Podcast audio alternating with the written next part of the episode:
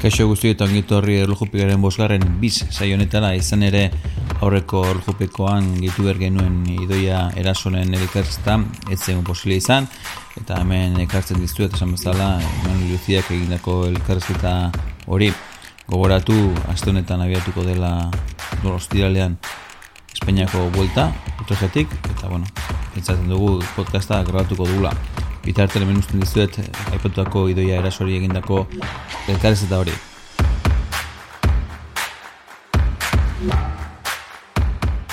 Erlojupe kontan laboral kutsako idoia eraso dugu gurean.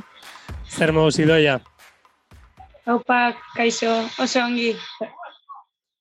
E, bueno, guain dela egun gutxi, albiste pozgarria jaso genuen, hau da, laboral kutsaren proiektua 2008 behatzi arte, 2008 lautik aurrera 2 milioi inguruko aurre kontua, nola jaso duzute albiste hau taldean, idoia?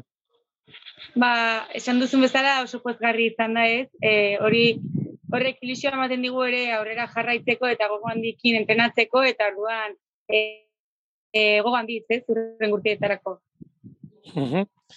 Bueno, e, denboraldi honen errepasoa nahi nuen egin, ba, bai zurea taldearena, erlojupekoan uso ostolaz izan genuen baita ere. Bueno, bain dela gutxi Europako txapelketa izan duzu, hogeita urte zazpikoa, zeintuk izan dire zure ondoriak eta sentsazioak kasu hontan. Bueno, ba, egia esan ez nago oso eroso egindako txapelketekin, eitan ere justo e, aurreko astean gaixo eta ez nintzen ondo ibili eta entrenatzeko e, denbora gutxi izan nuen gaixo negolako, orduan ez da gustatuko litzaidaken ondo e, izan, baina bueno, egin ditugu eta horrekin geratu bar gara.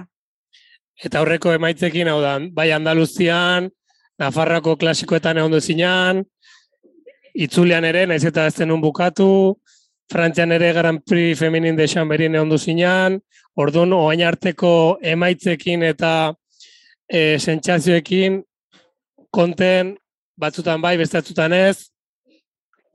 Bai, ez, e, orokorrean e, oso pozik, e, batez ere adibidez Nafarroko klasikak e, ilusio handiak emazian e, bukatzeak ja, gainera oso ondo ikusi nuen neure burua eta orduan hoiek bi oso oso gustora egin dituen.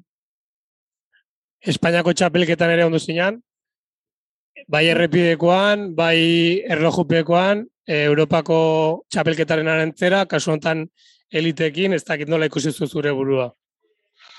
Ba, erlojupekoa adibidez e, ondo prestatuan neukan, e, irabazi ez dakit, baina bai nahi nuen lortu e, postu hon bat, eta asko landu nuen hori.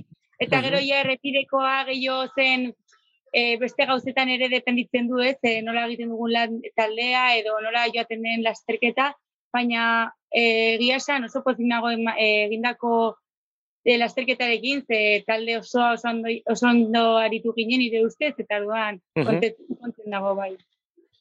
Azken bola dan adibidez, taldeko edo taldekidea den Jurani Blanco maio zonean ibili da. da, bueno, ba, taldearen valorazioa edo ba bai orokorrean eta bai kasu hontan Jurani Blankoren errendimenduaren inguruan. Ba, e, nire ustez oso talde polita dugu, ez? E, maia ona erakusten ari dugu eta gainera oso ondo aritzen gara elkarrekin eta oso harreman estua dugu eta hori nire eta oso garrantzitsua da. Eta gero bai, ez? Jurani aurten salto handi handia eman du eta oso gustora dagoela uste dut, eta orduan oso maila polita da ari du bai.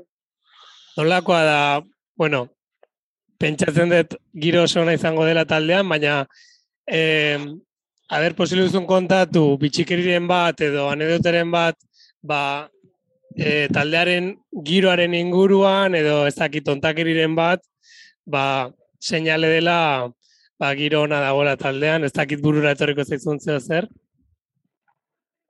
Ba, ez dakit. Ai, ez beti egiten dugu far usoakin, ze beti lasterketa horretik ba, egiten du bere rodilua eh, hanketan, bai. eta hor postura karraroa jartzen, eta beti hori komentatzen dugu barrezka eta. Yoga modukoa, ez, orduan. Bai, bai, bai. Nolako izan da zure zuretzat, ba, e, errepidean uolturreko ba, izarrak eta e, inguruan eukitzea, ba, bai Euskal Herriko itzulian, Nafarroan baitare, atzerrira junzarenean, nolako da sentsazio hori bai karrera aurretik eta bai errepidean bertan karreran? Bueno, ba, hasieran oso oso berezia, ez? Eh? Urduri jartzen zinean.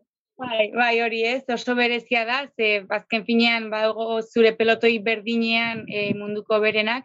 Eta gero ia pixkat e, nekatua eta ja nagoenean, ja esaten dut batzutan, e, porkura ematen dute, baina, bueno, e, sufritu barra dago, baina oso gustora bai, eta ilusan dizez, e, karrera horiek ritualizateagatik.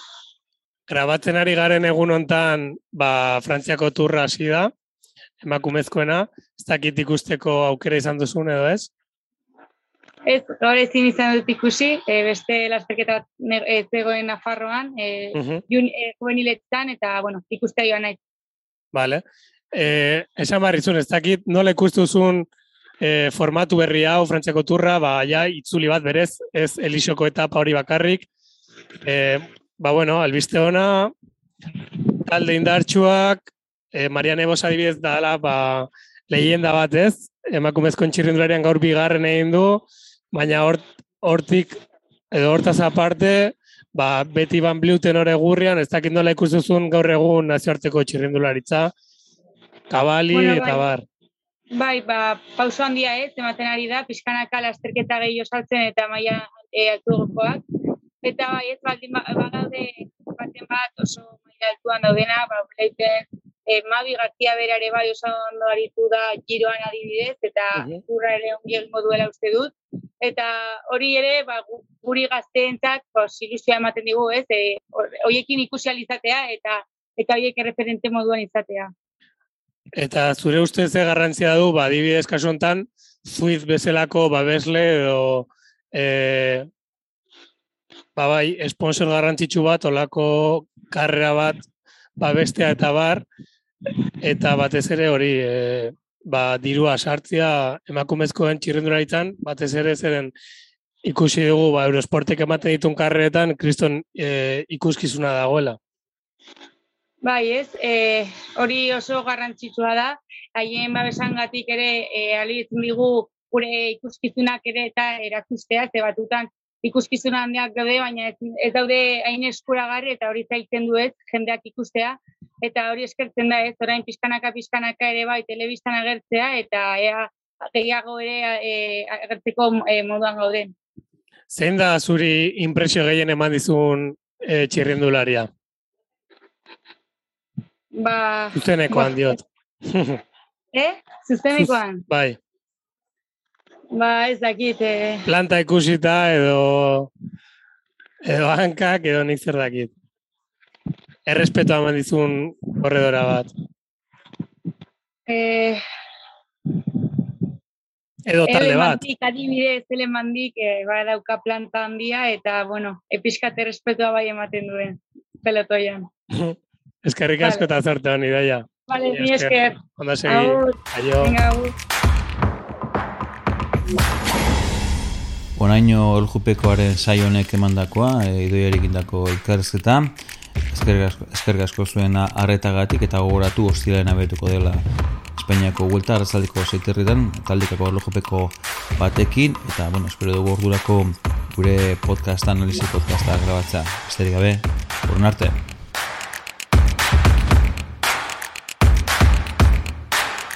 Wow.